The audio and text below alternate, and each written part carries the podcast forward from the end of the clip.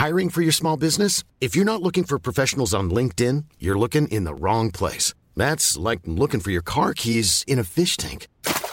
LinkedIn helps you hire professionals you can't find anywhere else, even those who aren't actively searching for a new job but might be open to the perfect role. In a given month, over 70% of LinkedIn users don't even visit other leading job sites. So start looking in the right place. With LinkedIn, you can hire professionals like a professional. Post your free job on linkedin.com slash people today.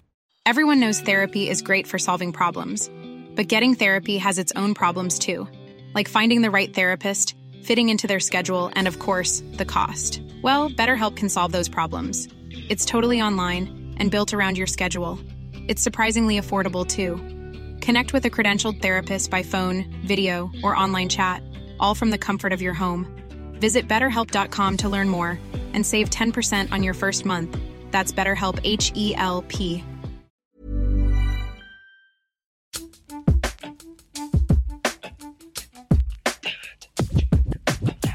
Du lyssnar på avsnitt 103 och det blir ett frågeavsnitt där vi tar upp eh, rasism i nära relationer, dejter i nära relationer, Mm. krångliga kompisar i nära relationer. Yrkesval, karriär, det ena och det andra. Nu kör vi.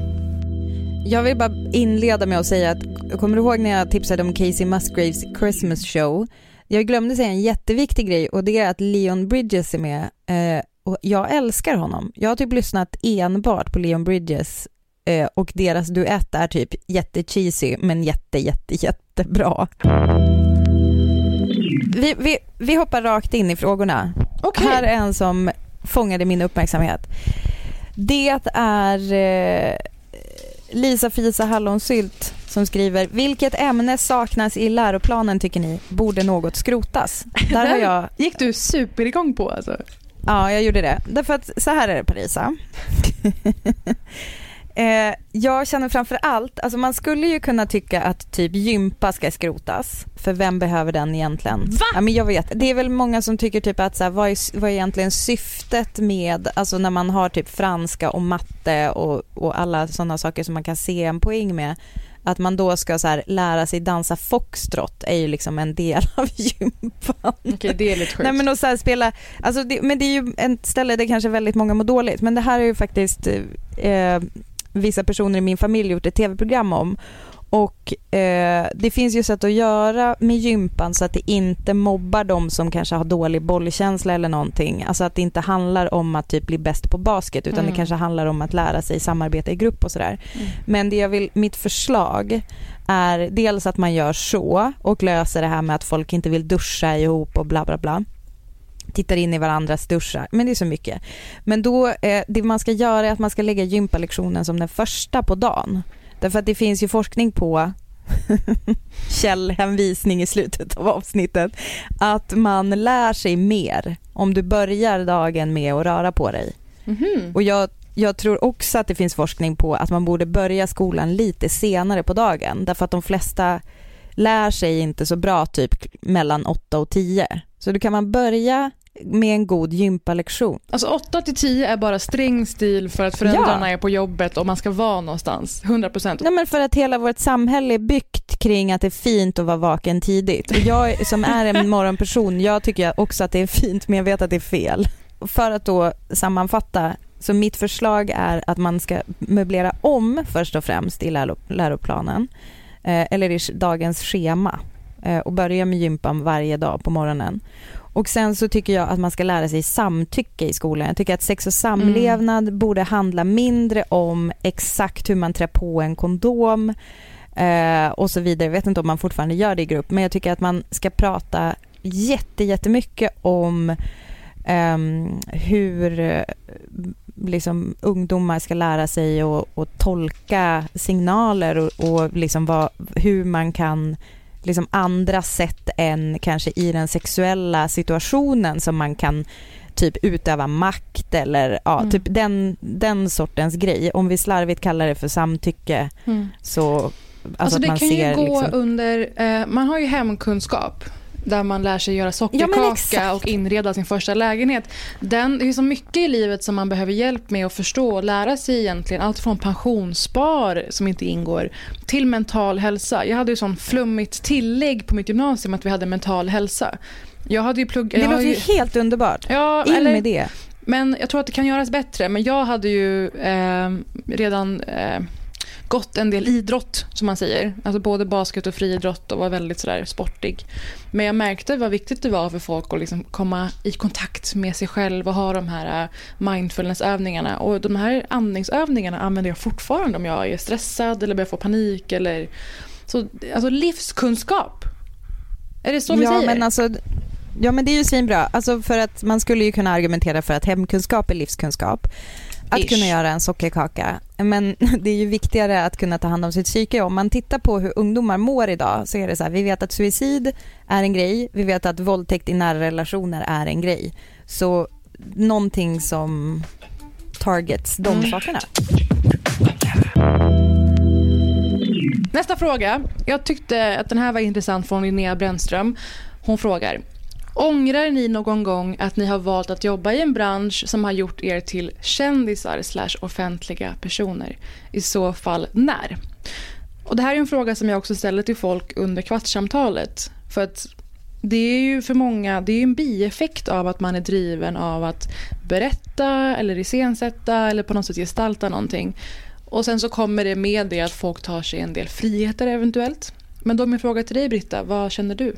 Den gången då jag känner av det framför allt, eh, det är ju dels när man får brev som man inte vill ha och sen också när, när jag ser det genom mina barns ögon, eller jag har ju än så länge bara ett barn som är mitt eget, som, kan, som är tillräckligt stort och kan så här, säga saker om det.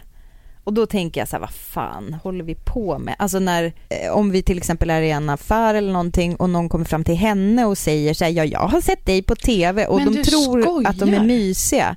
Men det är så abstrakt och konstigt för henne att hon ska behöva Nej, är det ta det snacket. Det är jätte, jättemärkligt. Då vill jag bara, ja ja ja, såklart. Och då vill jag bara kasta mig emellan, eller det gör jag ju, men det är ju inte otrevliga personer, men det är ändå människor som inte fattar då att hon faktiskt är fyra och typ själv inte riktigt har någon relation till att hon är på TV. Är det där, det där känner, då känner ja, jag så här, vad fan där går gränsen. Vi... Absolut. Eh, och jag menar, där går väl också, alltså jag vill inte på något sätt eh, låtsas som att det, det inte jag har en del i att folk känner igen henne. Det, det, det är jobbigt. är ju vårat fel. Men eh, ja, det är, det är någon gång då jag kan ångra det. Och eh, jag tycker också att det kanske, jag har ju så pass mycket Norrland i mig så att jag ganska ofta känner väldigt mycket skam kring alltså den plats jag tar och mm. att jag ska eh, så här, åh gud varför gjorde jag det där? Men det är väl mer som en slags det skulle jag nog känna om jag jobbade på ett, inte offentligt jobb men eh, kanske hade hållit, pratat för mycket på en presentation och sådär. Alltså den, det är väl också någon slags andra, eh, alltså en annan grej. Va, hur känner du? Eh, jo men det, det kommer ju en del ofrihet och då har jag ändå gjort väldigt snäva saker, samhälls och kultursaker. Eh, och det är skönt att kunna krypa ner i den hålan igen. Att jag inte är någon Let's Dance-programledare som frontar bilagor varje vecka. Ehm, men jag är nog, jag har ju ganska mycket behov av privatliv och eh, har mycket tankar kring eh, integritet och annat. Så jag Men är nog, menar du jag är nog överdrivet känslig tror jag för att känna att folk har inblick i ens liv, åsikter om ens liv. Um, och framför allt så hamnade jag i en heated diskussion en gång med en person om en annan eh, karaktär men som har som liknande arbeten. Och eh, hon hade råkat ut för en ganska syrlig, syrlig, bara skitsnackande stämning. Det var inte ens kritik för någonting hon har gjort. Bara att folk kände sig fria att eh, gå loss på henne i olika memes och vara vidriga på nätet. Och vi hade en konversation mm. om det där. Så inte ens en, en reality-person eller någon så här Paradise Hotel-människa, verkligen inte. Utan bara en motsvarande inom podd och journalistik och programlederi Och min då bekant var helt eh, personlighetsförändrad och tyckte att ja, men är man offentlig då får man tåla sånt här. Va? Alltså har vi ingen distinktion för vilken sorts offentlighet det är och vad då tåla sånt här? Den diskussionen var så intressant. Det var som att han tyckte att bara för att man har ett jobb som råkar utspela sig i eten vare sig det är i skrivande mm. form eller bara sitta och prata om nyheter ibland i en panel så ska man ta att bli hånad på ganska så personliga saker som utseende eller hur man för sig eller hur man... Det är bara en jävla vidrig stil. Och då förstår jag att folk, mm. folk har nog tappat greppet i de här frågorna. Nu är inte jag någon anhängare men... för att göra så mot någon men då, då kan jag känna att det är skapa en jävligt osnygg, o, ointelligent eh, vibb där ute. Och det kan få mig att känna att jag inte vill ha någonting med någon att göra. Och sådana stunder har man ju, som blossar upp några gånger i månaden. Man känner att gud, jag är så långt ifrån hur folk beter sig och hur de ser på saker. Jag orkar inte med det här. Då väcks ju liksom en fråga i mig som är så här, vad, vad är det som gör att du ändå står ut med det? Jag tänker, för du är ju så pass privat och ointresserad av att dela ganska mycket av dig. Så vad är det som ändå gör att du väljer den här karriären? Alltså väljer och väljer. Jag är ju journalist från början och det här har kommit som ett eh, senare steg i min karriär egentligen. Och det är ju för att jag tycker om att prata om ämnen, jag tycker om att prata om saker, jag tycker om att prata om samhällsfrågor. Eh, och drivkraften att få prata om sånt och hur mycket jag älskar det är det som får mig att så här, ibland behöver hålla för näsan och gå igenom sådana här, såna här bajshögar på nätet. Eh, så jag hoppas mm. folk beter sig. Nu finns ju också en stämning på nätet att folk säger till andra som beter sig illa. Och det älskar jag att se ibland i kommentarsfält. Om det är på något stort konto hos Aftonbladet eller SVT och man ser att folk är vidriga mot en. Eh, att det går in folk och säger men nu får du hit och dit. Eller som kalar på moderatorernas uppmärksamhet och får bort sånt. Och, ja, så det, istället för att meddela dig om det. Ja, det kan ni skita gör. i faktiskt. Jag, jag, behöver inte veta varenda gång någon som skiter mig i en podd, någon är vidrig mot mig, vad fan det nu är. Utan ni kan väl ta ansvar själva, helt enkelt. Mm. Okej, nästa fråga lyder. Vad är enligt er en citationstecken snäll kille? Otrolig fråga. Alltså vi har snackat om det här förut apropå till exempel serien Love på Netflix gjord av Judd Apatow bland andra. Där Gillian Jacobs dejtar en kille som vi lite skojade om att det var sån diskrepans i liksom deras attraktionsnivå om man säger så. Att han var mm. inte alls lika snygg och sexig som hon är i samhällets ögon. Um, och han var ju den här friendzonade killen som ser på sig själv mm. som att jag är så himla snäll och tjejer väljer alltid tuffa hårda killar killen. Som så lätt blir en incel. alltså steget därifrån. Så det börjar ju där. Att man börjar förakta kvinnor för att de inte väljer och sådär. Och de andra föraktar kvinnor bara per default. Och det blev intressant tycker jag för han när serien utvecklar sig, han är så jävla dryg, hånfull, fördömande och så inte alls en snäll kille. Nej, han är faktiskt inte så het heller. Alltså på grund av det. Ja, exakt. Man, ja. Det kanske kan vara det som gör att, för att du inte är så öppen och kärleksfull och varm, så kanske mer det än att du ska gå runt och hata världen och kvinnor. Så det var en diskussion vi har haft faktiskt. Men vad, vad säger du Britta, vad är egentligen då en snäll kille? Jag har tänkt på det där ganska mycket, att um, jag är ganska snabb på att dela in folk i onda och goda. Mm. Och det, ja, jag är jättehård. Du är mer jag. Jag är här nu, jag älskar det här. Ja men alltså du, vet, alltså du tror att jag är som värsta mesen och bara är, liksom ger folk the benefit of the doubt hela tiden. Men det, tror, det har du sagt många gånger så det, det är ingen mes. som blir förvånad. Ja men att jag så väljer typ att väl, tolka det på den snälla ja. hållet. Men ja. det är ju hur jag är utåt. Alltså jag kan vara mm. ganska mycket så här nya, alltså, vilja nyansera. Sen så tror jag också att du och jag har en otroligt uh, annorlunda take på uh, folk. Alltså att jag tror att du, du ser det mer negativt och jag ser det mer positivt to a fault åt båda hållen tror jag. Alltså, jag har inte haft fel hittills men absolut, carry on. Du har inte haft fel om något hittills. Ja, fantastiskt liv faktiskt. Grattis. Eh, men jag tror att så här, det som gör om man är ond eller god för mig är inte om man aldrig gör något fel eller mm. om man eh, skänker pengar till folk som behöver och så vidare. Utan jag tycker att en väldigt stor avgörande skillnad är så här, vågar man titta på sig själv och erkänna sina misstag? Alltså för att folk kommer, folk kommer fucka upp, folk kommer göra saker som är särskilt om man umgås med folk som har dålig impulskontroll, eh, ADHD-gänget sträcker upp handen. Men då, och det kan bli fel jävligt ofta, men frågan är så här, vad gör du när du konfronteras med det? Alltså typ eh, så här, hej min kompis som, jag vet att du har ADHD men typ den här grejen som du gjorde var inte så soft. Är det då så här eh, försvar eller är det typ, ja ah, fan jag fattar det, förlåt. Och det tycker jag också gäller, det gäller för kompisar, det gäller för folk man dejtar. Så var en snäll kille behöver inte innebära en som eh, eh, ringer sin mamma varje söndag, obs, det kan vara lite varningsklocka på folk som är för tajta med oh, sin mamma. Ja. Eh, utan det är istället, tycker jag, vad man har för vilja till självrannsakan. Hur Otroligt bra.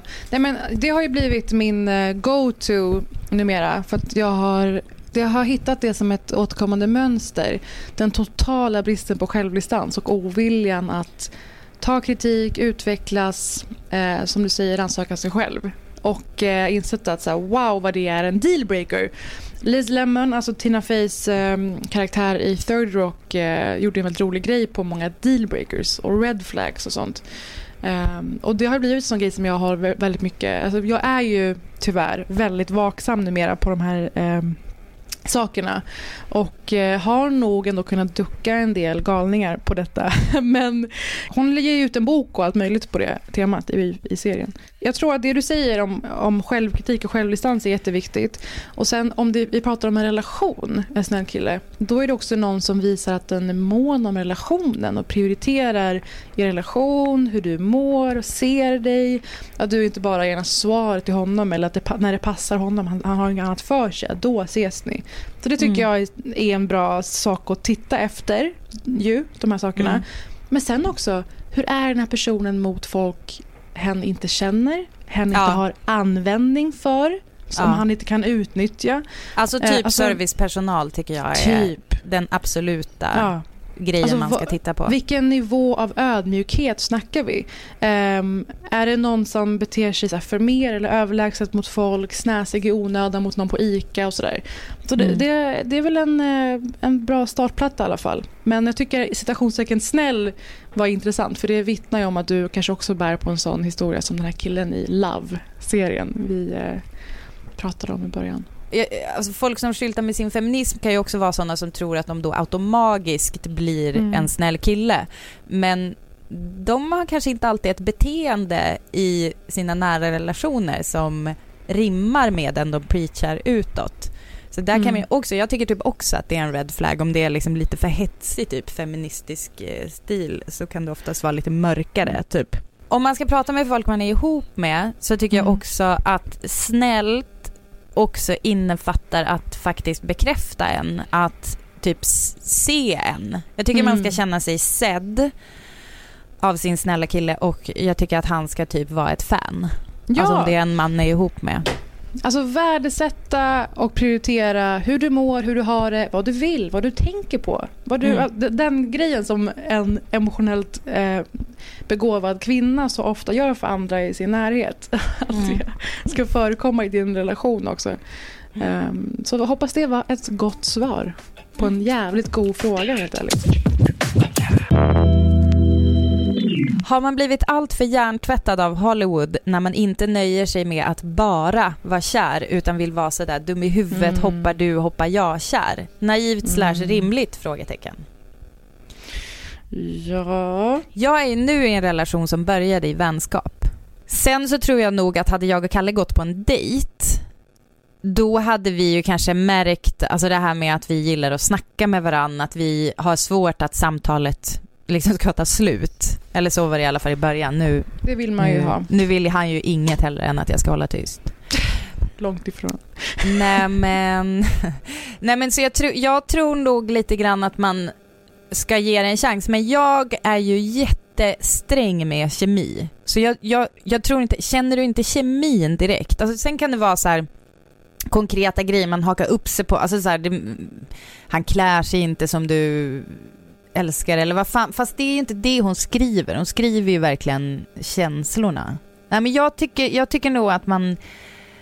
Jag tror att man anar från början om det kommer bli något. Men det här ämnet är jag jätteintresserad av. Eh, för att man behöver en viss dos av passion eller energi eller sådär för att vilja träffa någon igen. Eh, och det är ju en tröskel om man är en person som har väldigt lätt för att tröttna på folk. Mm. Sa hon menande. Eh, och jag har ju fått lära mig att inte gå så fullt ut på det där initiala. Helt enkelt. Okay. Eh, för mig som det, det är så, jag har inte så lätt för att bli intresserad av någon eller engagerad av någon. Snarare det raka motsatta. Och eh, jag fattar verkligen frågan och känslan. Och att det här nöja sig-elementet.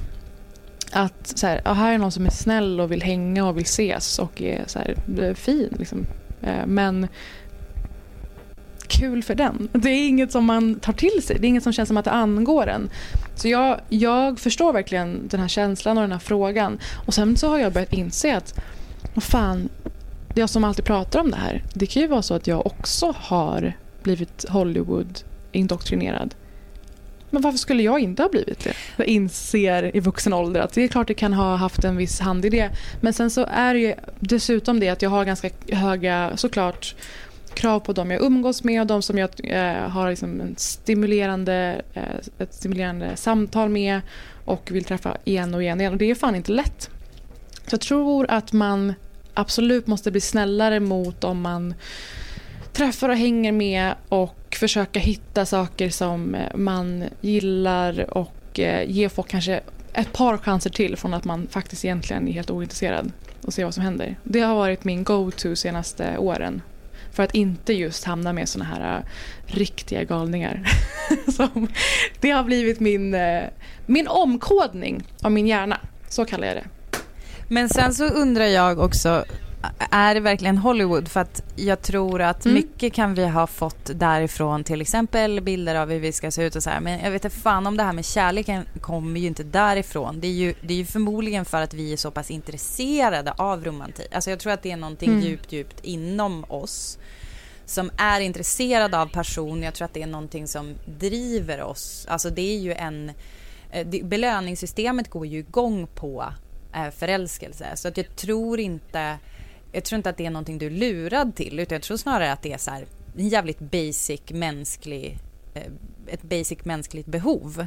Så jag, jag vet inte, jag är ju typ teamperson. Alltså jag, jag mm. tycker ändå att man, eller så här, jag tror också att man å andra sidan eh, har sett för många par som man är så här bara, varför är ni varför är ni ihop ens? Ni verkar inte ens, ni verkar inte ha kul i varandras sällskap. Alltså du, du vet sådana här som sitter och nästan så... typ snackar ner varandra i Jaha, samma... jo men det gillar vi ju inte. Nej. Men jag har börjat värdesätta mer par som så ser ut att trivas ihop ja, typ... och därför kanske inte har lika mycket tjafs och, men som är bara trygga och fina mot varandra och normala. Ja. Så jag tror att det där är vad jag pratar om när jag säger omkodning. Att det behöver inte vara 100%, det behöver inte vara konstant uppvaktning eller konstant liksom eh, eh, ska man säga, kärleksfullt och mysigt och hit och dit. Utan man längtar efter det där trivas i någons närvaro-hänget. Eh, och jag är som sagt, ja, men jag kanske är väldigt vaksam mot vissa tendenser och sådär av liksom självbevarelsedrift. Men på den här fronten så försöker jag verkligen vara mer eh, soft och eh, snäll. Mm. För att jag tror att man har en tendens att sålla bort folk eh, som kanske bara är nervösa eller liksom blyga i början och jag känner inte igen mig det. Jag är inte särskilt blyg. Eh, och då kan man ju behöva ha överseende. Just det. Det har varit min, min eh, erfarenhet.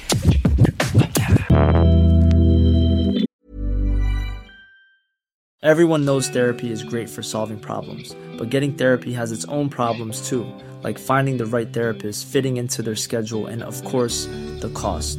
Well, BetterHelp can solve those problems. It's totally online and built around your schedule.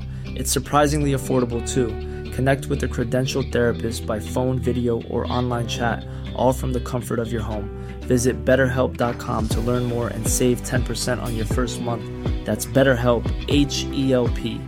Hiring for your small business? If you're not looking for professionals on LinkedIn, you're looking in the wrong place. That's like looking for your car keys in a fish tank.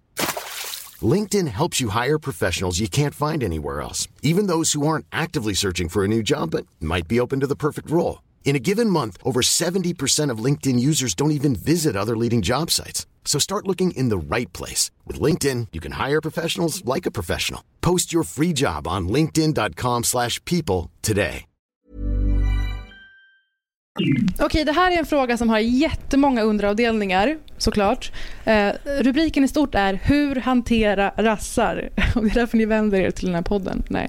Eh, så det är alla möjliga inskick om det, alltifrån eh, svärföräldrar, svärfamilj, någon, en, sin, sin partners släkt, man har barn med och sådär. Och det är fan inte en lätt fråga utan att bli personlig eller berätta någonting eh, jag inte vill berätta.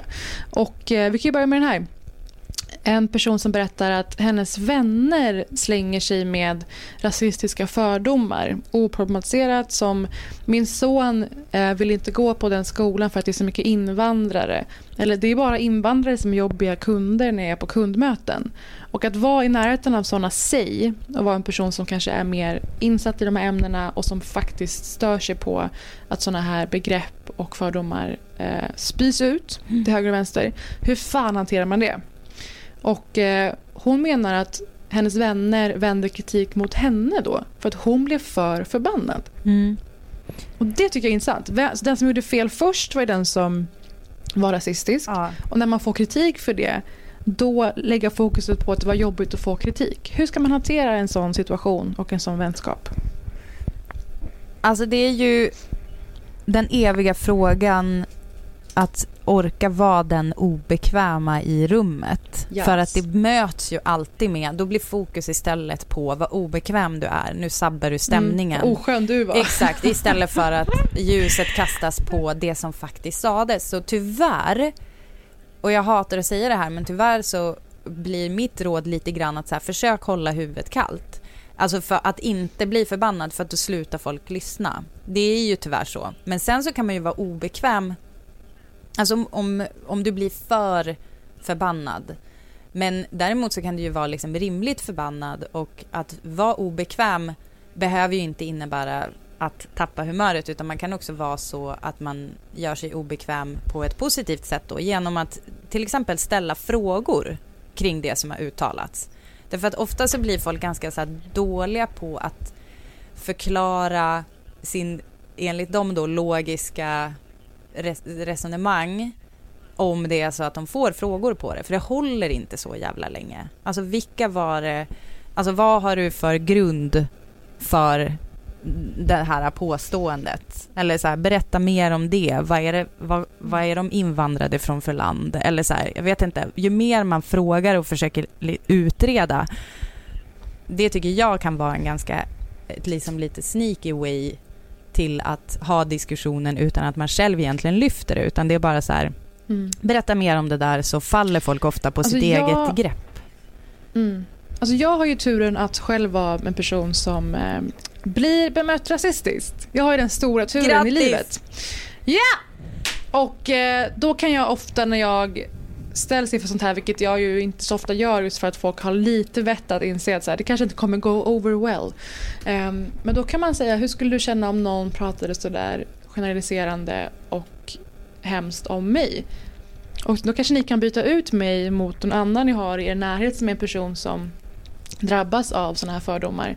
För att jag tror att det alltid blir då blir det alltid den här du vet, förväxlingen, men den är ju okej. men den är ju skön. Mm. Att de förstår att det är inte någonting man kan gå och upprätthålla. För det är de här eh, generiska, för vissa harmlösa åsikterna, hör och häpna. Ja. Som är de som sen leder till att någon blir personligen ansatt, utsatt, anklagad, får bli pissigt behandlad i en butik. Allt kommer från såna här pissiga kommentarer vänner emellan eller som harmlöst sagt på någon jävla torg, fan vet jag. Mm. Så dels det, personalisera. Mm. Sen vill jag också reagera på att liksom, jag förstår hur du känner som blev för, att, de, att de sa att du blev för förbannad. Och det sjuka är att du som säger ifrån sitter med ansvarsbördan sen ja. för stämningen och att det är du som är som bär skuld. För att de antagligen då känner sig påkomna, de känner sig kritiserade. Mm. Och eh, ett sätt är också att säga, som du har varit inne på Britta, att säga, jag blir obekväm när du slänger ur dig sånt. Eller jag håller inte med dig och för att, om, för om du inte vill bli osam så föreslår jag att du inte säger sånt i min närhet. Mm. Alltså ge folk en väg ut. Och det här beror som sagt på hur nära ni är. Så här gör inte jag när folk är rassiga i butiken, på tunnelbanan, vad fan du nu är, mot mig eller mot någon annan. Tro mig, långt ifrån. Jag backar allt och alla och blir förbannad. Det här är verkligen om det är någon nära, nära vän som du känner inte är rasistisk i stort utan har en tendens att slänga ur sig såna här jävligt mm. osköna, daterade idéer. Mm. Så man får välja lite approach efter eh, vad man är villig att förlora, helt enkelt. Och sen, helt ärligt, i stor utsträckning är jag ett fan av att eh, göra slut med människor i ens liv som man inte längre eh, synkar med. Ja, det låter ju som att ni är jävligt långt ifrån varandra eh, om den där grejen kommer, alltså eller det lät som att det var så pass grova grejer mm. så att jag, jag mm. hade nog också känt att det var problematiskt för hela relationen. Mm. Men om det är någonting som i sammanhang där man kanske känner så här, jag, du, så här, du är egentligen en bra person men i den här mm. frågan så går det inte så bra för dig när du tänker. Då mm. kan man ju eh, ja, precis använda de här tricksen. Nej, men för jag har ju, alltså det har varit alltifrån vänner som har slentrian umgåtts med så här kända kvinnohatare i diverse eh, Twitterkonton och poddkonton, om man nu säger så om poddar. Eller som är så slentrianrassar på liknande plattformar. Och över tid har jag insett att men gud, då värdesätter ju inte de tillräckligt hur det där påverkar dels mig, deras vän, dels folk de inte ens känner. För alltså en normal person som jag vill vara vän med värdesätter dels gemene man som utsätts för rasism och förhoppningsvis även mig. Eh, så jag har nog haft en ganska god rensning över tid i det här eh, segmentet som ju växer. Va? Mm. Så. Skaffa nya kompisar. Yes. Det finns toppenfolk där ute. Okej, här är en fråga från eh, en killperson. Och vi hade velat ha ett killavsnitt. The offer still stands, ska vi säga.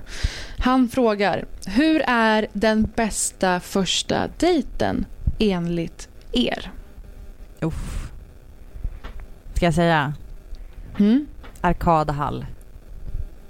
Nej men allvarligt. Alltså, kväljningar! Varför då? Det är någon som så här, Om du tar vill bort verka corona. och rolig. Nej men fy Vadå vad vill har... verka skön och rolig? Det kanske oh, är skönt och roligt. jag inte håller med dig på den här punkten. Men okay, jag kanske tänker också att för, förra gången jag överhuvudtaget var i en sån här situation är ganska många år sedan. Så det kanske är en...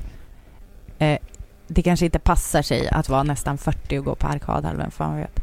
Men jag jo, tänker fan. någonting som, men okej berätta du då som sitter på facit på Nej, hur en berätta. äkta fräsch Nej, dejt du ska ju svara bara ur din, din, vad du tycker. Ja, så, men och sen... Nej, men berätta, berätta mer om varför du hatar det. Okej. Okay. Jag har historik av detta. Att vi skulle ses och ta en drink varpå personen ska så här, överraska mig roligt. Och då går vi och ska spela sån här lufthockey, heter det så? Ja, det är ju ett jättevärdelöst spel, men Eller? absolut. Ja, jag vet. Airhockey, ja. Alltså det är typ ett bord Alltså, så, var... Och man skjutsar någonting mellan sig. Det var så hemskt. Det var så, så, så var fysisk och... Men det var också en person som inte kunde bära upp det. Nej, det är, en annan sak än en person som är, som är bekväm i det och härlig i det. Men det var så mycket så här uppbyggt... Eh, och så forcerat. Men här hemskt. kanske är ett tips. Så, Läs ja. inte någon jävla bok om vad ja. som är bra dejter utan utgå från dig själv. Så här, vad kan du hantera? För är du, är du själv mm. obekväm i arkadhall och sen ändå ska typ driva igenom det för att du har läst i mm. the game att det är kul att göra saker mm. när man kan råka stå nära varandra. Men just varandra. i och med att det är första dejten. Sen har jag varit på dejt med gjort tusen sådana grejer. Det, då, då är det jättekul. Det är fine. Men där man inte känner att man faktiskt äger sin, sitt kroppsspråk och inte kanske är bekväm med en annan person. Att då dra med den någonstans där du måste sen prestera fysiskt. Jag vet inte. Säkert jättemånga som kan, kan leva upp till det. Men jag tänker bara att det är en tuff första ribba att sätta. Så man kanske ska fundera på om ens dejt egentligen borde gå på den dejten med någon annan istället. Vad är en bra första dejt tycker du då? Alltså det ska ju vara väldigt... Eh, det ska vara väldigt låg ribba. Så att Om säga. du fattar vad jag menar. Eh, väldigt låg tröskel, väldigt kravlöst och eh, då, då hänger det på om man har bra snack eller inte. Och vad det säger mig när någon vill göra en sån fysisk aktivitet dit, ja då har inte den personlighet att väga upp det här med, eller att, att fylla den här dejten med. Och ska vi därför distraheras av att ägna oss åt någon syssla ihop. Så känner jag. Så gärna, jag är ju mer en sån ses och ta en drink eller en kaffe eller ta en promenad. Och jag dejtar ofta folk jag typ känner lite sen gammalt. Så det här är väl också... Men om det är verkligen den första första, man har blivit så här, man blivit rekommenderad eller ihopföst av folk. Eller swipat. Då är det alltid en bra eh, grej. Sen älskar jag att gå på bio och sånt. Men gör du verkligen det? inte det världens sämsta? Då får vi inte prata med personen. Ja, men man kanske hänger lite innan. Mm. Det gör man. Och sen går man på bion ihop. Och sen snackar man om bion. Ja, Men det är för att det är vad jag överlag älskar att göra. Så det, jag ser det bara som att jag klämmer in att behöva dras med en annan person under detta. Alltså som när jag var liten och min syrra typ skulle berätta sina drömmar och jag bara absolut följ med mig genom huset medan jag gör mina andra sysslor. Så är du med en dejt fast det är så här, ja jag ska ändå beta av den här biofilmen, du kan få haka på. Men det är ju viktigt för mig att eh, om jag träffar någon att den eh, en, har någorlunda så här, intresse och gillar sånt som jag lever Ja för. ja, det är ett test att det ändå absolut. Är. Ja, absolut. 100 procent. Nej, för fan. det- Där har jag några mörka historier kan jag säga. När man märker att det är någon som lever i en total bubbla eller under en sten och man bara längtar därifrån. Har du några katastrofdejter förresten? Första. Om jag har. Det var en kille, eh, inte så länge sedan, som jag ändå halvt hängt med lite innan. Väldigt bra eufemism av mig, det jag sa precis. Um, men vi sågs på en dejtdejt också. Och um, jag vet inte om det var ett par enheter in eller någonting. Den här personen gick in i en full-blown imitation av en invandrare hen stötte på i kundtjänst. Alltså en hånfull rasistisk imitation Ah. av en person med eh, brytning och målade upp hur värdelös och inkompetent den här var. Till mitt ansikte som var alltså total disgust från mig. Hur snabbt gick du? Och jag liksom lirkade mig ur det här. Men då kan man väl ändå säga att här, slutsatsen är, jag tycker det verkar jättestressigt att typ dricka kaffe. Jag tror Mm. att jag skulle vilja ses på en drink eller Mm. någonting, alltså någon lite så här kvällsaktivitet. Det känns så jävla eh, stolpigt och det är så lätt att bli obekväm och bara sitta i ett så här fullt upplyst rum och med en kaffekopp. Jag, vet, aj, jag, jag blir jättestressad av det. Belysning är jätteviktigt. Det måste vara li, lite, lite, belysningen, dimmern ska vara neddragen ehm, och gärna lite musik i bakgrunden och så vidare. Det, Mm. alltså, men sen så har det ju någonting med att så här, funkar inte snacket när ni sitter i en bar ehm, då, då kommer det ju inte vara härligt heller även om ni har kul på arkadhallen så fort ni kommer hem typ. Alltså att det blir som en ganska bra, en ganska bra test. Jag, jag känner att jag behöver försvara min arkadhall ändå för Mm. jag tror att alla människor gör sig kanske inte, apropå det vi pratade om tidigare, med att om det inte sparks från början så kanske det ändå kan bli för att vissa människor kan vara nervösa och då kan Mm. någon så här grej att ni tillsammans gör någonting ehm, om man tänker enligt psykologin att ehm, att sti- sitta och stirra på varandra är liksom inte Mm. alltid idealiskt för att det kan vara, vi- alltså det kan få typ vara lite hotfullt och det är ett sånt där tips som jag fick om man ska prata med sina barn om någonting viktigt, att man hellre ska sitta på samma sida eller typ gå en Mhm. promenad eller sitta bredvid varandra i bilen för att det är lättare när man inte sitter och stirrar för då blir det så pass ehm, ja men det kan bli stressigt och det tycker Gud, jag också man kan tänka på i dejt. Att du säger det här. Eh, min frälsare, Larry David, och skaparen av Seinfeld. I Curb Your Enthusiasm så återanvände han ish ett av hans skrivna skämt från Seinfeld nyligen. Där han pratar om att en sushi-dejt är, så, är typ det bästa, förutom en promenad. För då sitter man ju alltid, eller oftast bredvid varandra vid en sån sushi Mm, en sån där som kommer liksom. rullar. Ja. En sån sushi-servering. Sitta Ja. som på bio. Jag älskar ju det. Titta rakt fram och få fisk av någon. Sus- Sushi Cho i Odenplan har sån sushi-disk. Liksom. Men Mm. eh, annars så har ju han myntat i Seinfeld för många år sedan att en promenad är den enda godtagbara dejten. För då, är man, då går man och kollar bara framåt. Och det är alltså det närmaste till att vara helt ensam. Så det är väl okej att ha en sån dejt då. Jag älskade det. Living it! Kan man ha en drink med sig? Tack så mycket alla som har skickat in frågor. Det var så jättemycket frågor så vi hann inte svara på ens hälften. Men eh, vi kanske får dra upp dem i något annat tillfälle. Mm. Tack och hej.